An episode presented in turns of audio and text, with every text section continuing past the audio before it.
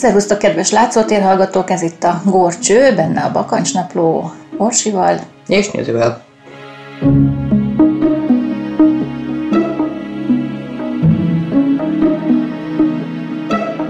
Na hát csapjunk is bele a túránkba. Ez most volt március 15-i hosszú hétvégén.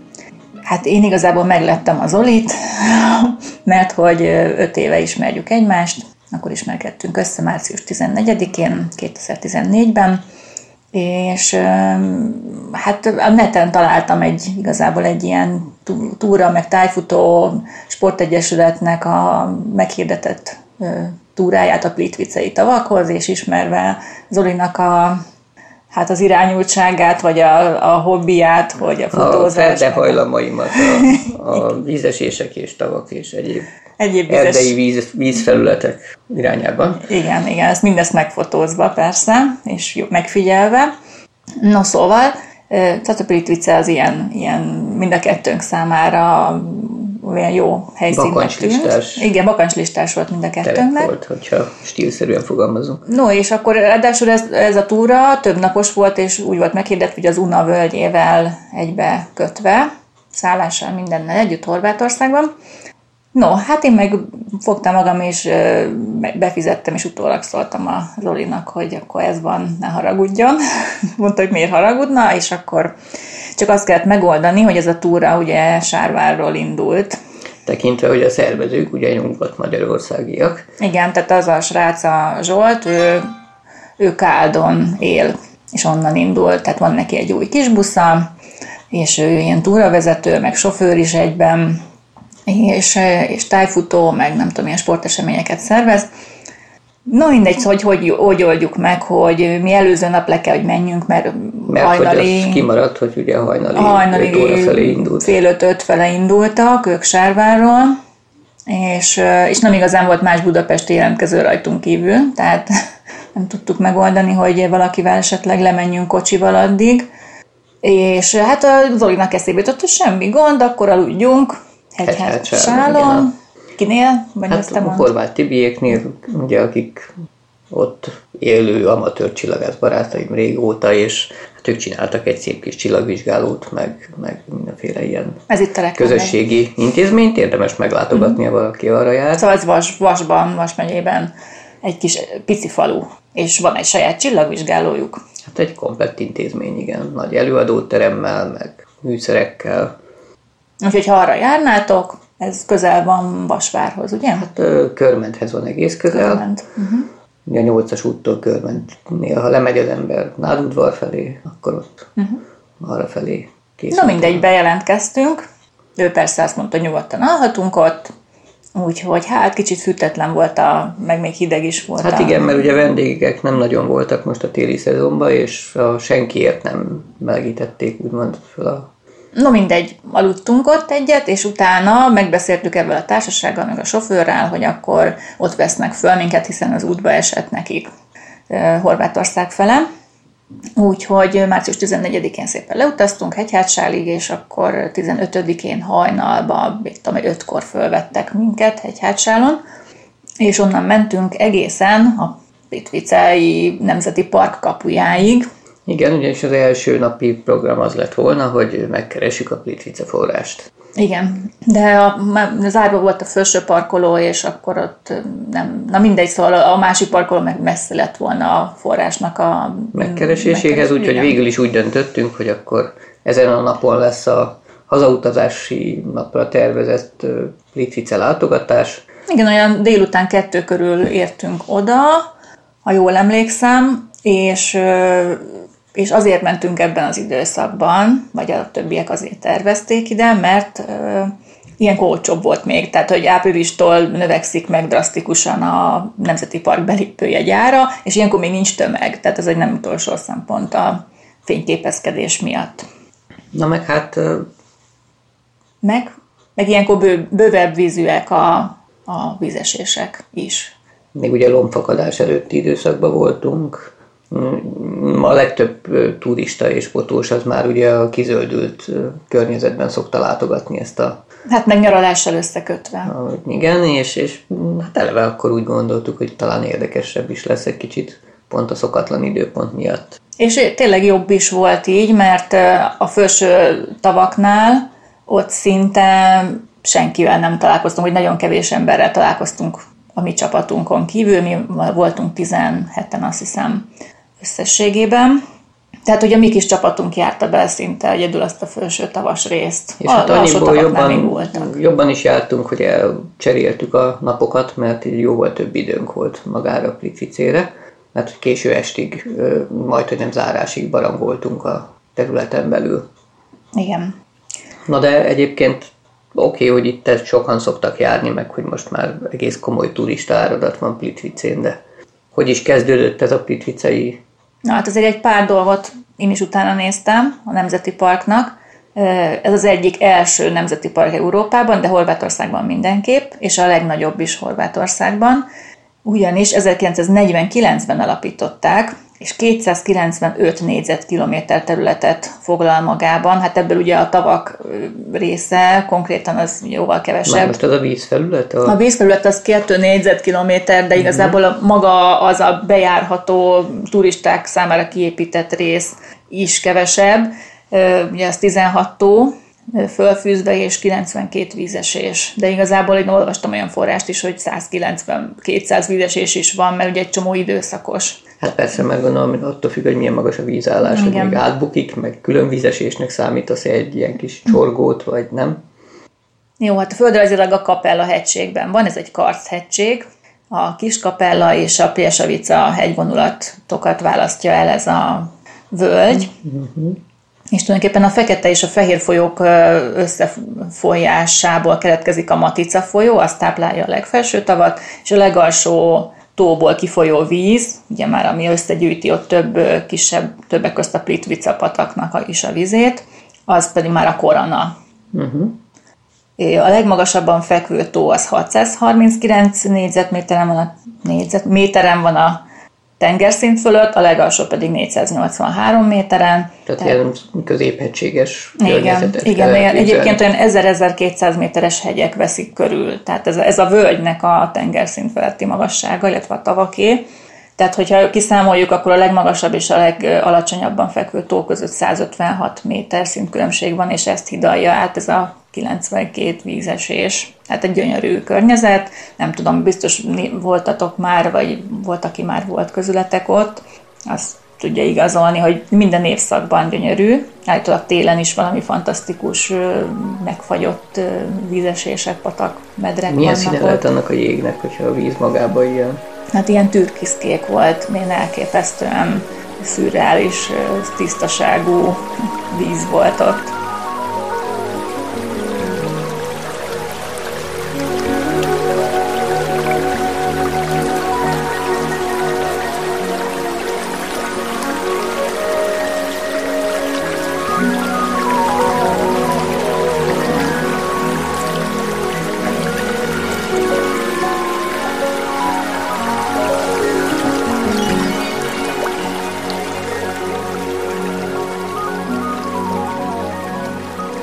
Hát még annyit a történethez, hogy hogy keletkezett ez az egész. Karsztos folyamatok zajlanak ott, ugye a koranak pataknak az mésztufagátakat hozott létre, amik feldúzasztották ezt a keskeny völgyet, elzárva néhol a patakot, és úgy lettek ugye a tavak.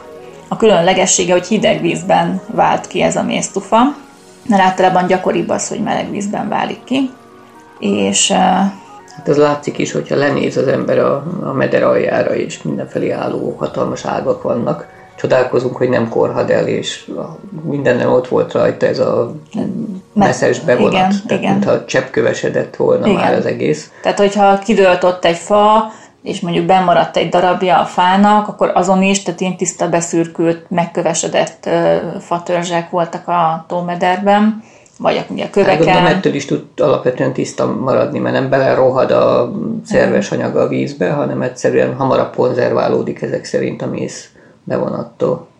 Bizony. Hát a, a parkban 8 különböző hosszúságú túraútvonalat lehet bejárni, ezt rögtön már a bejáratnál kírják. A legrövidebb az 3,5 kilométeres, de az csak az alsó tavakat látogatja meg, és nincs benne hajózás. A leghosszabb az 18,3 kilométer, tehát egy lehet tölteni ott egy egész napot, úgyhogy lejárjátok a lábatokat, mert ott már ugye vannak szintkülönbségek is, rendesen, de, de föl lehet szállni ilyen buszokra, tehát van ilyen kis elektromos Igen, és vonatszerű busz. Meg, meg hajó is van. Meg van hajó is. Ez a, a legnagyobb tavon, a Kóziak tavon, ami három kilométer hosszú. Ezen lehet hajózni, ez a legmélyebb tó is. Hát nekünk ez kimaradt, mert mi a felső tavaknál kezdtük a, túrát, a és, és túránkat. mire odaértünk, addigra az utolsó hajót már nem tudtuk elérni. Igen, tehát mit tudom, meg volt, hogy fél ötig vagy ötig ment az utolsó hajó, menetrend szerint, és óránként megy azt hiszem hajó. És hát, mm, na, szóval mi már lát, mi láttuk a hajót, de nem tudtunk már felszállni rá, úgyhogy mentünk tovább aztán gyalog. És így, hát biztos, hogy meg volt a 18 kilométer a, a nap végére ott a parkon belül. Igen. Meg valami szakász, ahol kerülnünk kellett valami felújítási munkák miatt, és azt kétszer is megjártuk oda-vissza, azt a ö, kacskaringos aszfaltos utat, mert ott nem is ment a busz ráadásul. Na szóval a felújítás az úgy jellemző, hogy, hogy még mindig tart. Ugye akkor De miért kellett felújítani? Mert Na, ugye ez nem feltétlenül. igen, igen, igen. Hát a, ugye itt a délszláv válság ugye történelem 1991. március 31-én húsvét vasárnapján itt kezdődtek a harcok a környéken, a szerbek és a horvátok között, és a háború első áldozata ráadásul pont egy itteni parkőr volt. Ezután négy évig a szerbek tartották megszállás alatt ezt a környéket, és csak 95-ben ö, került a horvátokhoz, végül is ugye Horvátország külön vált, és, és onnan kezdődhetett a felújítás. Tehát onnantól folyamatosan, hát nem voltak meg az ösvények, csomó a hajók, tehát voltak állítólag ilyen kisebb csónakok, de azok is ugye mind eltűntek, megrongálódtak, tönkrementek. Tehát hogy igazából rengeteg felújítani valójuk volt. És hát ami nagy veszély, az a, az, az egyre fokozódó turistáradat. Tehát a 90-es években 800 ezer látogatója volt évente, már az se volt kevés, de most általában valami két millió látogatója van. Hát igen, ilyen rémhíreket én is hallottam, hogy jó, jó, nagyon szép, meg gyönyörű, csak amikor egymás után kell lépésbe haladni a ösvényeken, és gyakorlatilag egy pillanatra nem érdemes megállni sem, mert, mert nyomulnak a mögötted az emberek. Szóval, hogy úgy, úgy nehéz volt már elviselni ezt a mostani tömeget. Igen, és a, az UNESCO, ugye, mert ez a világörökségi listára is felkerült 1979-ben, tehát elég régen már, ő utasította ugye a Nemzeti Parknak az igazgatóságát, hogy dolgozzon ki valami akciótervet arra, hogy hogyan fogja meggátolni a jövőben ezt a növekvő turistáradat. Tehát hogyan fogja annyira megfékezni. turista volt mondjuk, hanem az, hogy megőrizzék ezt a Igen. területet. Tehát megvan a veszélye, hogy lekerül a terület a világörökség listájáról, hogyha nem tesznek valamit. Az ellen, hogy ugye ez a rengeteg turista ott rombolja a környezetet, mert átvágnak, áttaposnak. Ugye nem a fényképezéssel van a, a gond, hanem, hanem magával a taposással és a látogató számmal. Mindenki csak hazavisz egy pici szuvenírt, Mindenki csak beledob valamit a vízbe. igen. És ez a két millió ember évente, ez rengeteg, és ennek a nagy része ugye a nyári időszakra ö, csoportosul. De volt is most ez ügyben változás azóta, hogy mi ott jártunk. Igen, ezt most jött ki hír, hogy így májustól most már előzetes regisztrációra van szükség, hogy ha valaki be akar menni a parkba. Az egész konkrétan úgy néz ki, hogy interneten kell regisztrálni, hogy látogatni szeretnéd a parkot. Két nappal- Kettő nappal előtte, és óra pontosan meg kell mondani, hogy mikor fogod fölvenni, melyik pénztárnál a jegyet. Tehát ha valaki Plitvicébe készül, és nincs ilyen regisztrációja, akkor talán még nem késő. Igen, mert ott nagyon meg lehet lepődni, hogy nem tud is belépni egyszerűen nem adnak jegyet, és nem engednek be. Igen, és hát egy óráig tartják fönn ezt a foglalást. Tehát, ha megadtad, ugye, hogy mikor melyik pénztár, és onnantól kezdve egy óra múlva föl kell vegyed a jegyedet.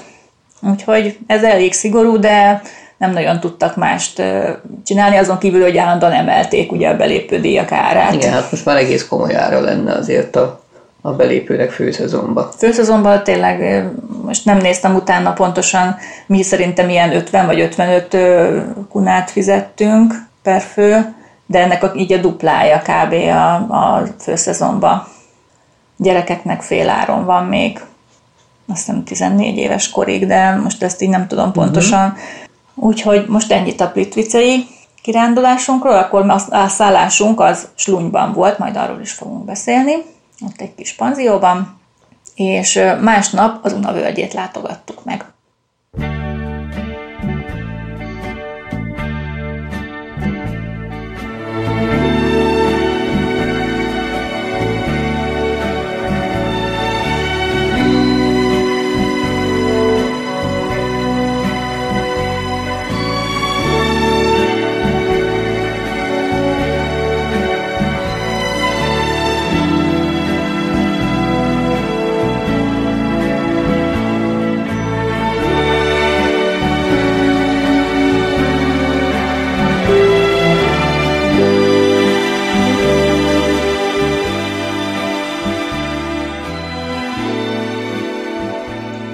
No hát másnap szintén 8 óra körül felkerekedtünk, és a busszal a nem túl messze levő Boszniába, mert ugye ez a Plitvicei tavak vidéke, ez gyakorlatilag elég közel van már a Bosznia-Hercegovina határához, és az Unna folyó völgye, az szinte egy szomszédos völgy igazából ehhez Igen, a Plitvicéhez. Viszont, viszont határfolyó.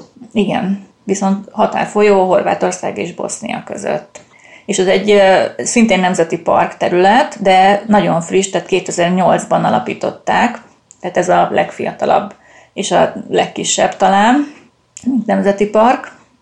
Magába foglalja az Una és az Unacs folyóknak, a, vagy Unac, Unacs, nem tudom, folyók völgyét, és a Krüka folyónak a forrását is. Ugye a Krüka a másik ilyen nagy vízeséses. Igen, igen, igen, igen. Tehát ott először is elmentünk a ilyen 8 kilométeres makadám mert több kapuja van ennek a nemzeti parknak is, de igazából ide autóval lehet csak eljutni, vagy ilyen vagy kis busszal. Nagy busszal sem, mert muszáj mikrobuszba átülni, mert egész egyszerűen olyanok az utak, hogy két nagy busz például nem férne el az úton egymás mellett. Itt is a Zsoltnak az ügyességén múlt, hogy sokszor egy személyautóval, ha találkozott, akkor ugye el tudtak menni ilyen 10-20 centire egymástól ezeken az utakon. Na szóval fölmentünk, ez egy ilyen, ilyen nyereg, ilyen hegynyeregre ott parkoltunk le, és akkor onnan lehetett egy picit lefele sétálni, és az az érdekessége, hogy ennek a résznek, ennek a Strubacski vízesésnek van saját vasút megállója is a horvát oldalon. Tehát, hogy mi a, ugye a bosnyák oldalon sétálgattunk, ott volt kiépítve egy ilyen pallóösvény, meg kilátópontok, de át lehetett látni a szomszédos karsztos hegyoldalban, hegy ott ment a, egy ilyen kiépített, ilyen Igen. nagyon romantikus, helyenként boltívekkel alátámasztott vasút. Igen, és az ráadásul egy vasúti fővonal volt, ugyanis Zágrából Splitbe itt ment valamikor még a Jugoszlávia idején a, a vasútvonal, csak hát ezt aláknázták, a felső vezetékek ugye nincsenek meg, és állítólag a bosnyákok újra építettek egy szakaszt Szarajevó és Bihács között. Bihács... Igen, Bihácson keresztül mentünk be mi is. Igen, igen, igen, tehát a Horvátországból Bihácson keresztül, tehát az van legközelebb, mint nagyobb város. És hát onnan is lehetne megközelíteni, ha valaki nem autóval akarna menni, de ilyen eszméletlen kevés busz megy arra, és Bihácsig is, tehát hogy nem a Szarajevó-Bihács közti vonat is, ilyen egy vonatpár megy el, tehát... És utána viszont nem megy tovább, tehát... Igen, igen. Hát remélhetőleg majd valamikor vissza fogják állítani ezt a vasúti közlekedést, és akkor nem csak autóval lehet megközelíteni, hiszen egy nemzeti parknál nem túl jó, hogyha az autós forgalmat preferálják. Hát ha a nemzetközi helyzet fokozódik, azaz mondjuk, hogy egy kicsit mélyülnek még a béke folyamatok egy picit a emberek közt, akkor valószínűleg. Igen, és ez egy viszonylag érintetlen terület, tehát kevesen ismerik, most kezdik fölkapni a turisták, úgyhogy... Na de mit, te, mit tetszik nekik ebben annyira? Hát mondjuk ez a Strabacska vízesés szerintem páratlan így európai szinten is. Lehet raftingolni, tehát így a, mondjuk nem ott a, ezen a 24 méter magas vízesésen, de al, alóla indulnak ilyen kisebb vízeséseken keresztül a rafting túrák, meg hát biciklizni, milyen hegyi biciklizés, Úgyhogy meg rengeteg túraösvény van, azok már kiépítettek, és váromok vannak itt ebben a völgyben. Hát láttunk is a Malmok. buszból kinézve is sok ilyen kempingezésre kialakított mm-hmm. területet, tehát ott akár ilyen hátizsákos sátras turizmusra is van lehetőség. Igen, és most még csak Hát itt a konvertibilis márka ugye fizetőeszköz, amit gyakorlatilag senki nem használ már ugye rajtuk kívül.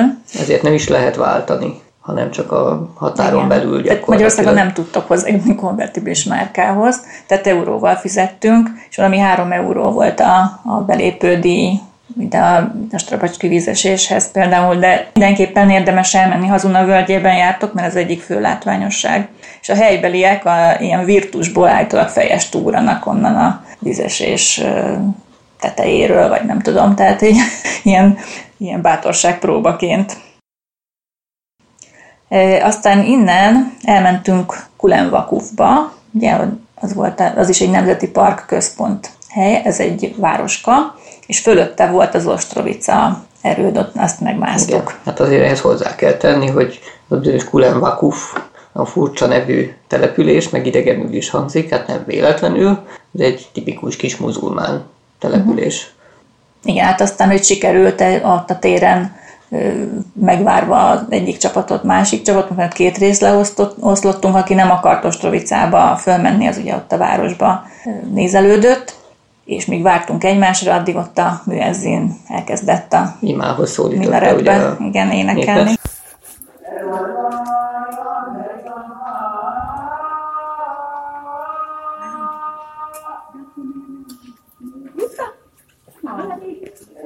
Népet.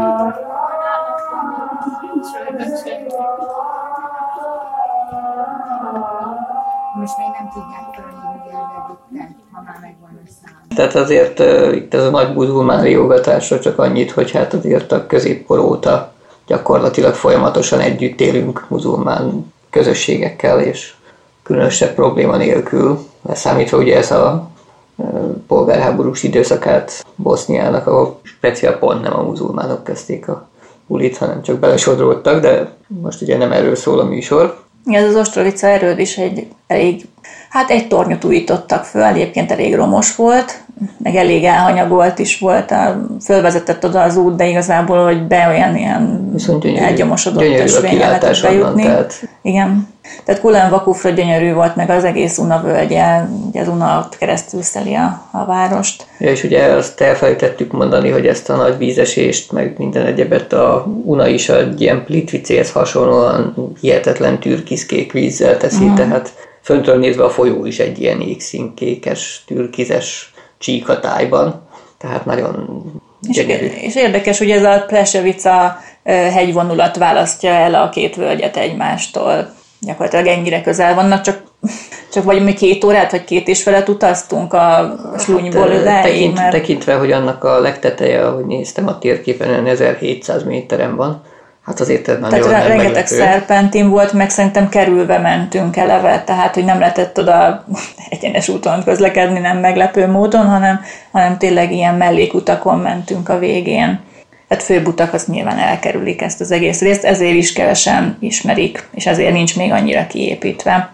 És akkor a nap végén még Martinbrodba mentünk el, volt látnivaló, mert itt is volt egy vízesés, nem meglepő módon, most már ilyen sokadik, Hát egy nagy, és mondjuk sok kicsi, mert ott több ilyen patak folyik össze, és a patakok mellett tele volt malm, régi malmokkal. Valamelyik működött is, valamelyik, már a legtöbb az nem. Ráadásul ezek olyan furcsa malmok, legalábbis ilyen magyar szemben nézve. Na, akkor erről mondjál valamit, hogy milyen malmok voltak, mert nekünk... Mert, mert ugye úgy szoktuk mi meg a malmot, hogy ha vízimalom, akkor van az oldalán egy nagy kerék, és akkor az forgatja a víz. Vagy alulcsapós, vagy fölülcsapós attól függ, hogy a víz hol forgatja meg a kereket az aljánál, vagy a tetejénél ráengedik a vizet. Hát itt nem ez a technika lényege, hanem a malom alatt folyik keresztül a vízőrült uh-huh. tempóval, és függőlegesen áll a tengelye. Uh-huh. A malomnak alul van ugye a kerék, ami, ami fölveszi a, fölveszi a víznek a mozgási energiáját, és ez már gyakorlatilag direktbe forgatja a köveket. Uh-huh tehát mindenféle áttételek, meg... meg tehát egy nagyon egyszerű szerkezet. ugye ahhoz, hogy egy vízszintes tengelyű malomból csinálj egy másik irányba 90 fokkal elfordult a tengely körül forgó malomkövet, ahhoz kell ott ilyen fogas áttételeket, meg irányváltásokat csinálni, ami egy hiba lehetőség, meg erőcsökkenés, mm. meg minden. Itt nem, ott úgy áll a natúr. Igen, olyan, olyan nagy a sodrása a vizeknek, hogy igazából az maga meghajtotta a kereket iszonyat sebességgel. És akkor úgy meg is néztünk egy ilyen malom múzeumot ott Martinbrodban, ahol egy helybeli férfi egyébként angolul előadta nekünk, és megmutogatta egy fél euróért, azt hiszem, hogy egy, egy konvertibilis márka, ami ugye olyan 16 Igen. forint, vagy nem, bocsánat, 160 forintnak felel meg, és hát az olyan fél euró nagyjából azért megmutogatta nekünk a kis múzeumot. Igen, hogy hogy működik ez a malom, mm. hogy lehetett mosni például. Igen, mert hogy mosógépet is hajtottak a vízzel, és szintén ilyen technikával.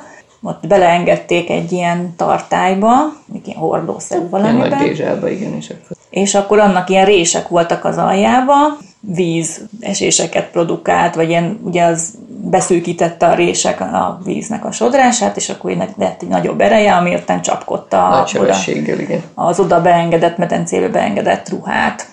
És azt csak oda beletették a medencébe, és akkor ráengedték ezt, ezt a több vízsugarat.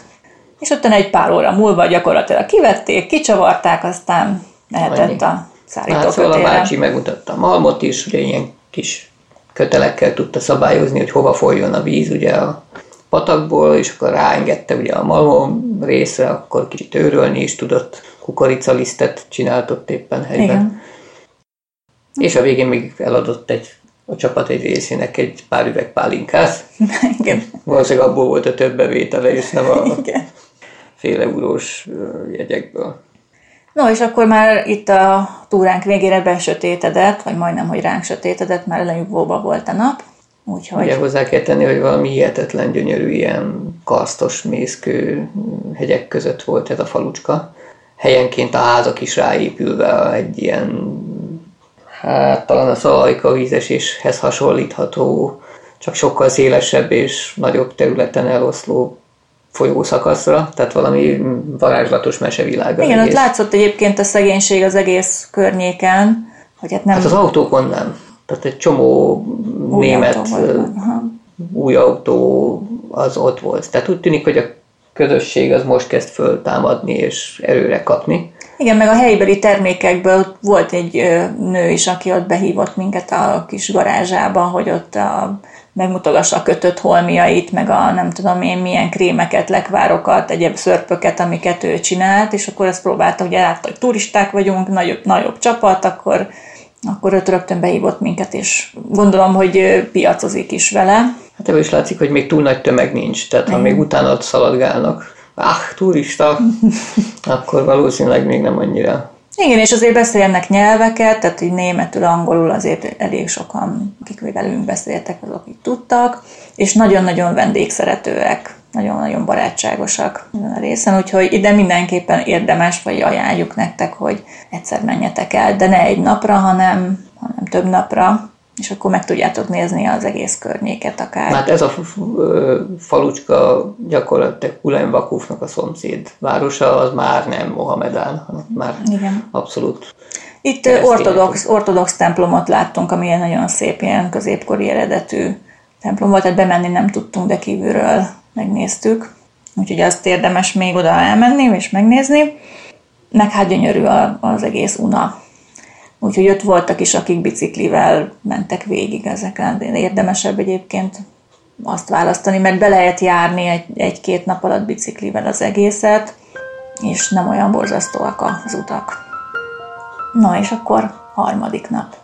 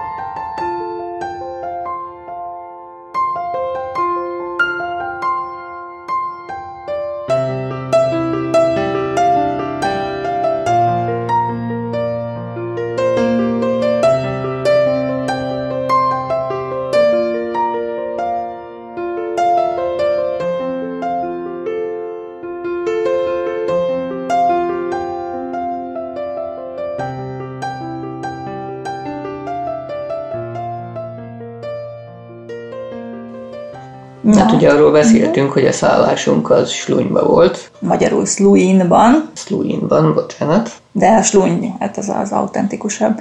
ugyanis úgy lehet a Plitvicét megközelíteni, és Lunyon keresztül, hogy Karlovác felől érkezünk. Ez egy szintén fő útvonal egyébként, Split fele. És hát Sluny is miről híres? A malmokról, a patakokról, a vízesésekről, a szép házakról, barátságos emberekről. Ez a Sluncsica. Sluncsica. Sluncsica. És a Koranna folyóknak a találkozásáról a találkozásánál alakult ki a kis település, Ugye a városka. Koranáról már beszéltünk, mint fővízgyűjtőről. Igen. Az a cicamica, a slun cicamica, az meg egy tényleg kisebb oldalág.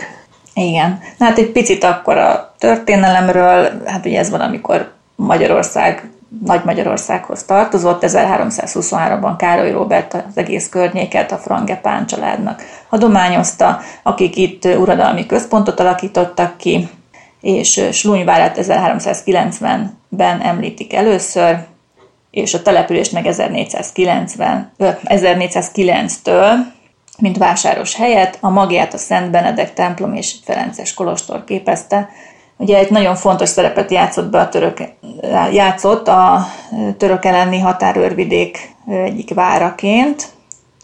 1561-ben a törökök sikertelenül ostromolták meg a várat, és hát több ostromot is kiállt, az utolsó 1716-ban viszont a várost a törökök elpusztították. Ugye ahhoz azt sajnos el tudták foglalni könnyedén. Hát ugye Egerbe is ez volt, hogy a falut azt felégették rendesen. Hát igen, a várost felégették, meg az összes falva, falva, vagy a falvakat ott.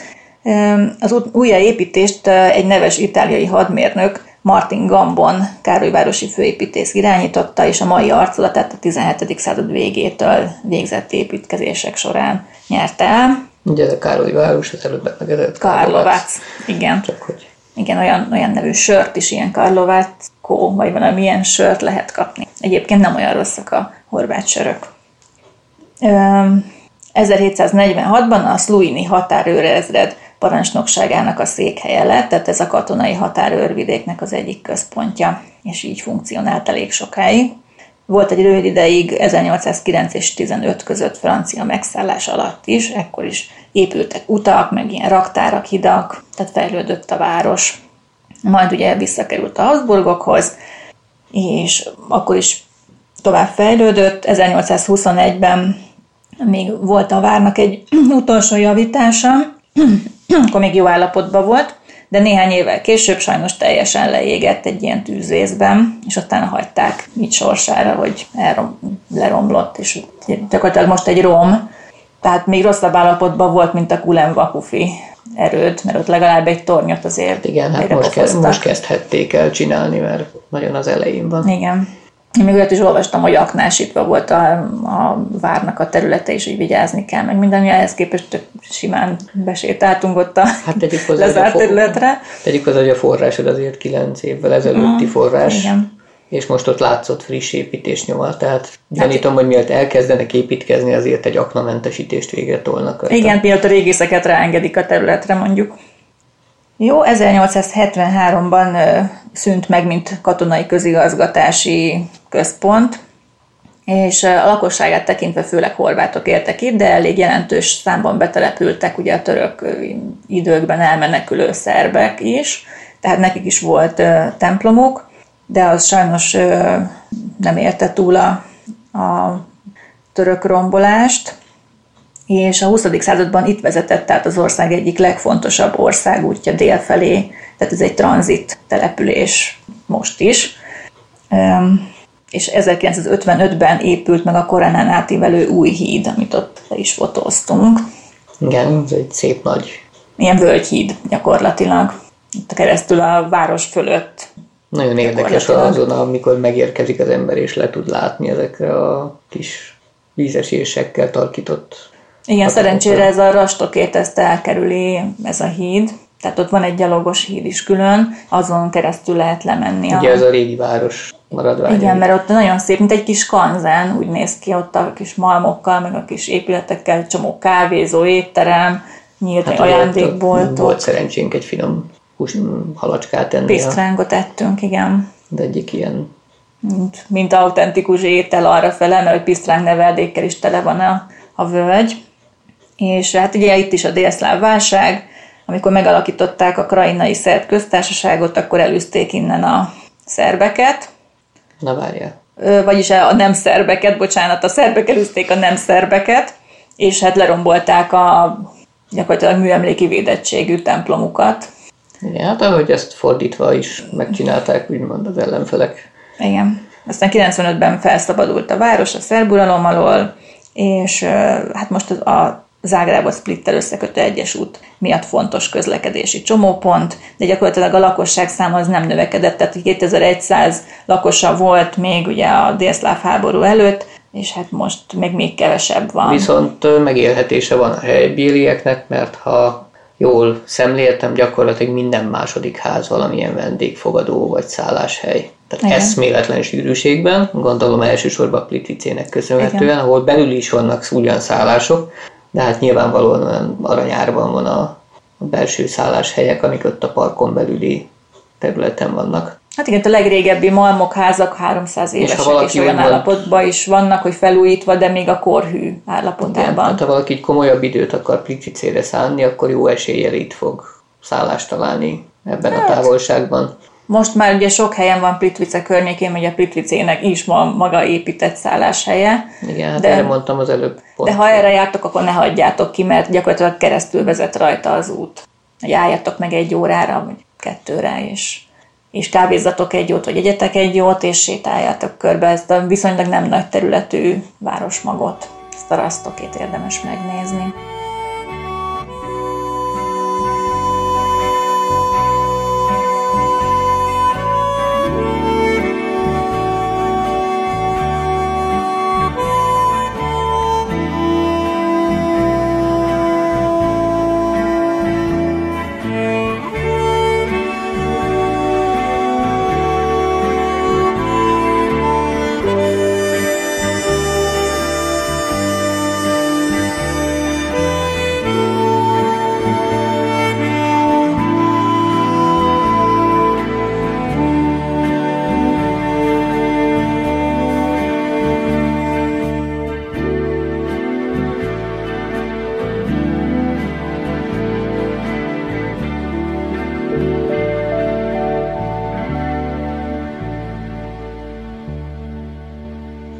Egy valamit ugye kihagytunk az Unavölgyről. A Gojko Mitics bácsit meg. Tényleg a Vinettus Tehát filmeknek ha valaki a gyerekkorában, kedves hallgatók, mint olyan sokszor megállapítottuk, hogy nagyjából egykorúak vagyunk, látta ugye a klasszikus Vinettus filmeket, akkor azoknak az ilyen vadvízes jeleneteit, azokat bizony ott forgatták ennél a nagy vízesésnél. És az indián falu állítólag itt pont Rasztokében volt, itt vették föl. Ja, hogy az már Rasztoke volt. Igen. Én úgy emlékeztem, az Unavölgy volt a... Az Unna völgyébe vették föl a, magát a filmet, csak valami indián falus, egy-két olyan jelenet volt, amikor fal, falut is mutattak a filmekben. Hát én erre már így nem emlékszem, de, de állítólag az indiánok volt. vívgamba laktak sátorban. Na jó, de voltak olyan a vízparti részek, ahol ezt simán fel tudták venni ilyen Hmm. A lényeg az, hogy ez tényleg ilyen érdekes. Találtunk is egy eldobott csónakot ott valamelyik oldalon, lehet, hogy az volt a Vinetújé. Ja, és volt egy eh, fickó, aki ott a kifeszített kötélen sétálgatott a most akkor szerintem a sluncica fölött. Igen. Valószínűleg az volt. Igen, hát ez a kisebbik folyó. Hát, hogy alatta olyan, mit tudom én, 20 méter mélység, és ő meg ott a kifeszített kötélen jó ki volt biztosítva, de gyakorlatilag ott parádézott gyakorlatilag de órákon keresztül, tehát nem lehetett normálisan fotózni a, a vízeséseket, Igen, mert mindig belelógott zavart. az emberünk, Vagy hát vagy a kötele. vagy a kötele, mert az ki volt ugye feszítve ott Hát végig. aki fotózik városban, azt tudja, hogy a villanyvezeték is utálatos dolog, de amikor egy ilyen gyönyörű, szép kis egy ilyen magas parton állnak sorba a kis épületecskék, és aluluk ömlik ki a víz, és zuhan bele a 6 millió vízesés a folyócskába, és akkor keresztül megy egy ilyen zöldre mázolt kötél a egész képen, hát na, No, és akkor ezek után kora délután hazaindultunk. Ugye a mikrobusztal mi még Nagykanizsán kiszálltunk, és még elértünk egy késői vonatot. föl Pestre, úgyhogy szerencsénk volt, mert És így érkeztünk aznap késő éjjel haza.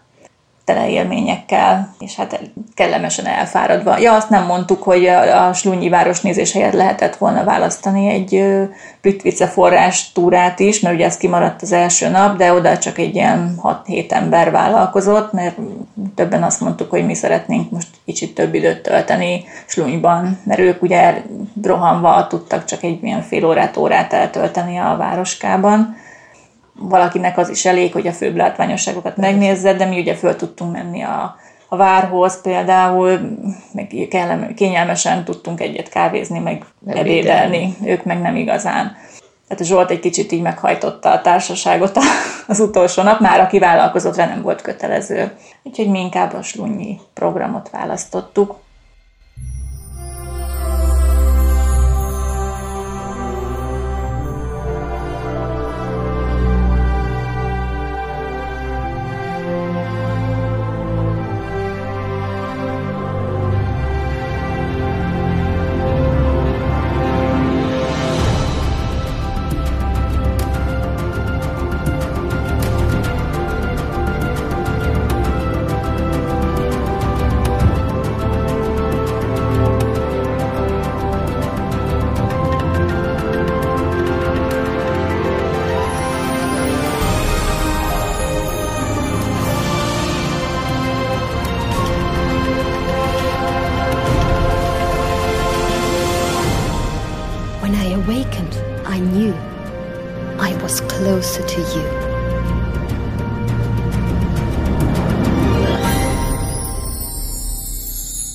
Beszéljünk egy másik túránkról, de ugyanezzel a társasággal, de ez most a május 1 hétvégén volt. Tehát szintén le kellett jutnunk ugye Sárvárig, és hát úgy tudtunk ezen részt venni, ez egy egynapos út volt, hogy előző nap le kellett mennünk, és a kiszobatársunk volt ugye a Plitvicei túrán, a Kriszta, ő szombathelyi, és, és ő mondta, hogy akkor nyugodtan aludjunk nála, ő, nála van egy kanapé, amin kiúszható kanapé, amin el tudunk aludni egy éjszakát, vagy akár kettőt. És akkor így mentünk, mi szombathelyre lementünk, nála aludtunk, és akkor ő másnap volt olyan aranyos, hogy elvitt minket kocsival a Sárvárig, mert onnan volt az indulás, szintén hajnalban, és a Tajatál völgy volt a célpont, ugye a Taja völgye, ugye a tál az, Na, az maga vajon, is az völgyet jelent. Na, az vajon Alsó-Ausztria, ami ugye Ausztriának az északi része. Ami... Tehát a térkép szerint felül van. Igen, tehát, tehát nem az alsó Ausztria valószínű az alacsonyabb fekvésének köszönhetően Vertikális irányban volt alsó, igen. De nem tudom pontosan ezt utána kéne nézni, hogy miért alsó Ausztria, alsó Ausztria. De minden esetre ez a cseh határnál volt ez a nemzeti park szintén. És hát erről kevesebb információt tudtam összegyűjteni, de majd mesélünk a saját élményeinkről. Ez is elég friss nemzeti park, de mivel hogy átível a két ország között, szó szerint egy hídon is át lehet menni, és ugye a nagyobb terület egyébként Csehországban van, de nekem úgy tűnt, hogy az osztrákok előbb hozták itt a Nemzeti Parkot létre, 1997-ben, legalábbis ilyen adatot találtam, de találtam egy 2000-es adatot is, tehát valószínűleg akkor egyesülhetett a cseh és az, mhm. az osztrák. Hogy a csehek mikor hozták létre a saját národni park podíjüket, mert hogy ne, nekik a tajá, ami osztrákul tajá, az náluk díje csehül. Igen. Tehát ez egy, ö, ott kanyarog a két ország között. Volt is egy ilyen tábla valahol, hogy International Park. Igen. Zárójelből Inter. National Park. Igen, és hát ugye nemrég építettek ott 2003-ban azt hiszem egy ilyen látogatóközpontot, ami fantasztikusan néz ki, mert elmentünk mellette a busszal, tehát ilyen üveg és fa az egész, és földszintes, és, és nem hivalkodó, hanem ez a nagyon Belesimul modern és egyszerű. Pályátálba. Igen, és ide érdemes elmenni, mert vannak előadások, programok, hát gyerekeknek nagy játszótér, minden indul ugye csomó túra. És itt laknak a vadmacskák. Igen, és, és vidrák, vadmacskák, fekete gólyák, meg zöldgyíkok is laknak errefele, mint ilyen jelentősebb állatvilág. A zöldgyíkot mi is láttunk egyébként. De valaki kevésbé szaladós. Vadmacskát nem. Valaki kevésbé szaladós fotótémát keres, akkor növények is vannak. Igen. 1330 hektáron terül el a Nemzeti Park, ami hát az osztrákoknál, ugye mondtam, hogy ez volt a kisebb rész az osztrák, Tehát az ő számukra a legkisebb nemzeti parkjuk, és ami, ami nagyon fontos, hogy a, a, ugye a Taja folyó két partján terül el, és nagyon változatosak és diverzek a, az erdők, mezők, tehát vannak itt ilyen kaszálórétek, meg ártéri erdők, meg sziklagyepek, tehát mi is mentünk ott, ugye átmentünk a csehekhez egy ilyen kilátót megnézni, és az út egyik oldalán, ugye, ami a folyó fele esett, ott ilyen gyöngyvirágok nyíltak, és igen, ontották az illatot, igen, rengeteg salamonpecsét, tehát ilyen árnyas erdei ajnövényzet. Ha fölnéztünk ugye az út másik felén a, a hegyoldalba, akkor meg árvalányhajas sziklagyep. Tehát, hogy hm? Tehát olyan nagyon, nagyon meglepő volt, hogy ezt egy szemszögből láthattuk. Hát egy botanász lelkülettel mindenképpen. A többi ember valószínűleg azt látta, hogy milyen szép növények vannak. Tehát hogy tényleg nagyon, nagyon fajgazdag mind a növény, mind az állatvilága, egy nagyon különleges párás folyóvölgyi környezet, ugye hegyekkel körbevéve, és, és állítólag a, a Pannon flóra, meg az Atlanti is itt találkozik ezen a területen. Tér össze, igen, a két nagy élettér. Úgyhogy egy különleges mikroklíma jellemzi. És hát a keletkezése, hogy ez a Waldwirtel gránit tömbjébe vágta bele magát a Taja folyó, és hát így keletkezett ez a különleges környezet. És hát rengeteg kilátóhely van, aminek a nagy részét meg is látogattuk ott. Egyébként Hardeg kis városkája, itt az osztrák központ, és annak a környéke. Tehát a másfél kilométerre a Hárdektől van ez a látogatóközpont is. És hát a kapuja úgymond a Nemzeti igen, Parknak. Igen, igen, hogy ne terheljék le Hárdeget, de ott is lehet szállást találni, és a környékben több kisebb településen. E, ez arról híres, hogy hát van egy nagyon-nagyon szép vár, ugye ez kiemelkedik így a városkából, és hát a legkisebb városa 1305 lako- lakossal a, Ausztriában, hát, de város. És, és a, ami érdekes még, hogy az a Hardeg vára, hogy hogyan váltott több tulajdonost, most egészen szépen karba van tartva egy jó része, tehát a kápolnát felújították, azt az öreg tornyot felújították, csináltak benne ilyen étkező termet, vagy ilyen lovaktermet, azt felújították benne, meg a, meg a sírboltot, a sír, sír vagy egy kriptákat újították föl, de még végül is nem mentünk be, mert ez már nagyon a nap vége volt, és maradt rá fél óránk összesen, és akkor úgy gondoltuk, hogy ez a 7,5 euró per fő, per fél óra, per fél óra az, az úgy nem nagyon megérős, úgyhogy inkább beültünk még egy rétesre. Úgyhogy hát kimaradt, de kívülről azért megfotóztuk, meg megnéztük a várat, a várudvarba be lehetett Tekint, menni. hogy egész nap úgy túráztunk, hogy körbe végig rá lehetett látni a várra. Tehát az úgy a völgy alján egy Igen. ott maradt sziklarök tetején. Tehát minden pontról körbenéztük Van, a várat. Van, és valami eszméletlen jó pofa volt körbe mászkálni.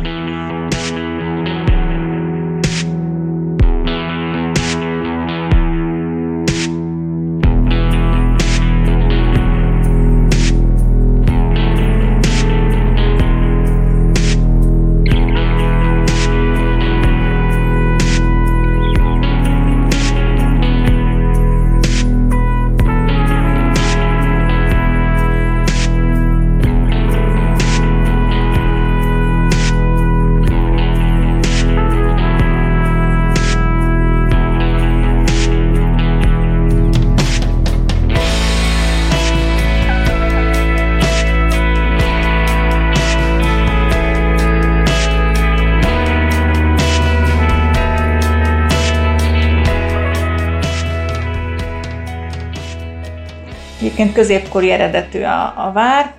1041-ben a Babenbergek jelölték ki a táját és a vidékét határként, tehát ez Málko is cseh német határ volt. Um, hát a Babenbergek még szerintem... Hát azok a széttöredezett kis fejedelemségek. Igen, tehát ők ilyen német fejedelemség volt szerintem akkor, még hát 1041-ben még ugye nem voltak Persze. Habsburgok. Azok is csak utána milyen kis családként emelkedtek ki a sok közül, és sok vár épült ebben a tájávölgyben egyébként, és az első birtokosai a Plain és Hardek grófjai voltak, és végül a család Magdeburg Hardegger ága bővítettek ki, és ők építették a kápolnát meg a palotát ebben a várban, ugye ez a 13. században. 1294-ben a Hardeggi grófság közigazgatási központja lett, aztán a 15. század végén ez a család kihalt, és a vár a Habsburgok kezére került, ugye az emlegetett Habsburgok, ők 1499-ben a Magdeburgi család örököseinek, a Prüsenk fivéreknek adományozták, akik ö, ö, Stettenberg bárói is voltak. Egyben bökér cserébe. Igen, és ők megkapták a várral és a várossal együtt a grófi címet is, és ők lettek von Hardegg grófjai. Aztán a 17. század közepén újra tulajdonos váltás volt a na, Kevin Hüller és Match grófi család birtokába került, akik 1730-ig a várban laktak, nekik volt hercegi, tehát ők már felemelkedtek a hercegségig közben, uh-huh. és át, átköltöztek a városban épült Rigersburg kastélyba, tehát építettek ott egy kastélyt, és inkább ott laktak, mint a várban, mondjuk ezt mondjuk megértem. Hát pedig a nagyobb a kilátás. Mondjuk az is tűnik, hogy szebb látvány a várat hát nézni. egy középkori vár nem egy barátságos, mint lakóhely, tehát mint erődítés lehet, hogy még volt jelentősége, de aztán a lakatlan váromlásnak indult. 1764-ben a várost tűzvész pusztította, és utána ez a gróf engedélyezte, hogy a építőanyagot nyerjenek ki a már romladozó várból a, a város újjáépítéséhez. 1878 után Johann Karl von Quechem-Hüller Metz herceg, Egészség. ő Habsburg Miksa főhercegnek egy ilyen egykori harcos társa és nagy támogatója volt. Ugye Habsburg Miksa volt a mexikói csász, Habsburg császár. Ő újjáépítette a fellegvárat, ezek szerint volt neki miből, és családi kriptát építetett ide, és ő volt az, aki berendezte ezt a mexikói múzeumot, ami most is látogatható a a várban, tehát ott ugye berendeztek néhány termet, ahogy mondtam, fegyvermúzeum van benne, meg ilyen helytörténeti gyűjtemény, meg ez a mexikói gyűjtemény. Gyakorlatilag a kivégzett Miksa császár emlékének adózott ezzel a múzeummal. És a 20. században több, más, több más városbeli műemlék épülettel együtt a Tirolból származó Piláti von Tassul zu Dagsberg grófok birtokába került, más alig bírtam kimondani, na mindegy. Szóval ilyen hosszú nevű grófok a jelenlegi tulajdonosai több épülettel együtt a várnak is, meg gondolom a Rigersburg kastélynak. És 2018-ban a várban és környékén forgatták a Narciss und Goldmund című középkori témájú filmdrámát, Hermann Hesse azonos című regényéből, és a filmet 2020-ban tervezik bemutatni a mozikban. Na, hát ez nagyszerű.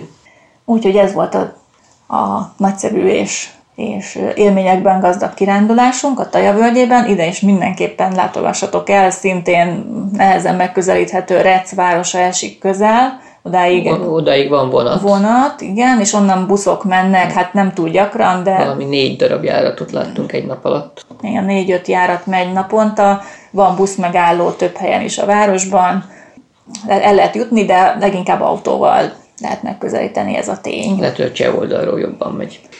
Az is lehet, de ott meg ugye nagyobb kerülő. Viszont mi meg visszafele úton még... Tekintve, hogy a magyarországi nyugati határszéli városokból este 6 óra után hazajönni, az egy eléggé horrorisztikus.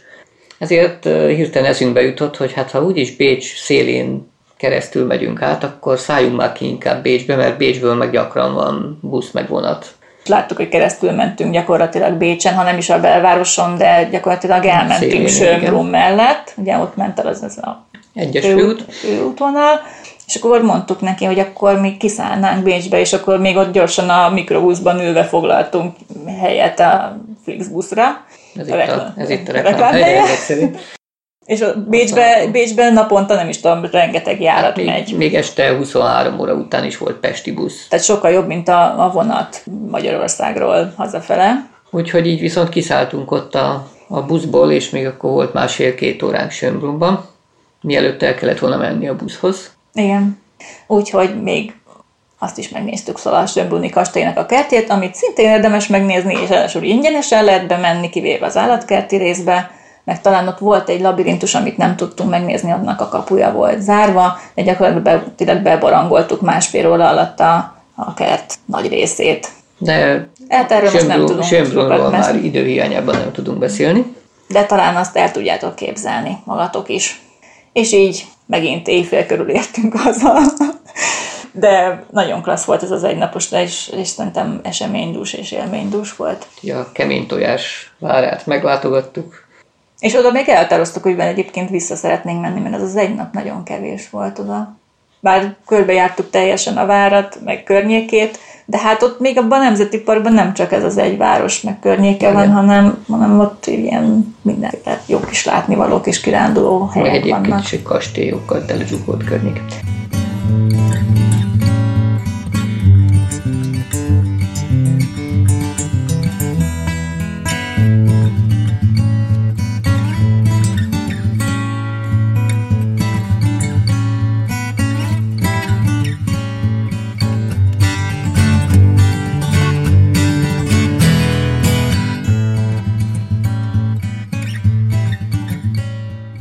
No, hát akkor szervusztok, Ennyi fért a górcsőbe mára. hallgassatok minket legközelebb is. Keddenként, Ezek, ezek után két már keddenként. keddenként.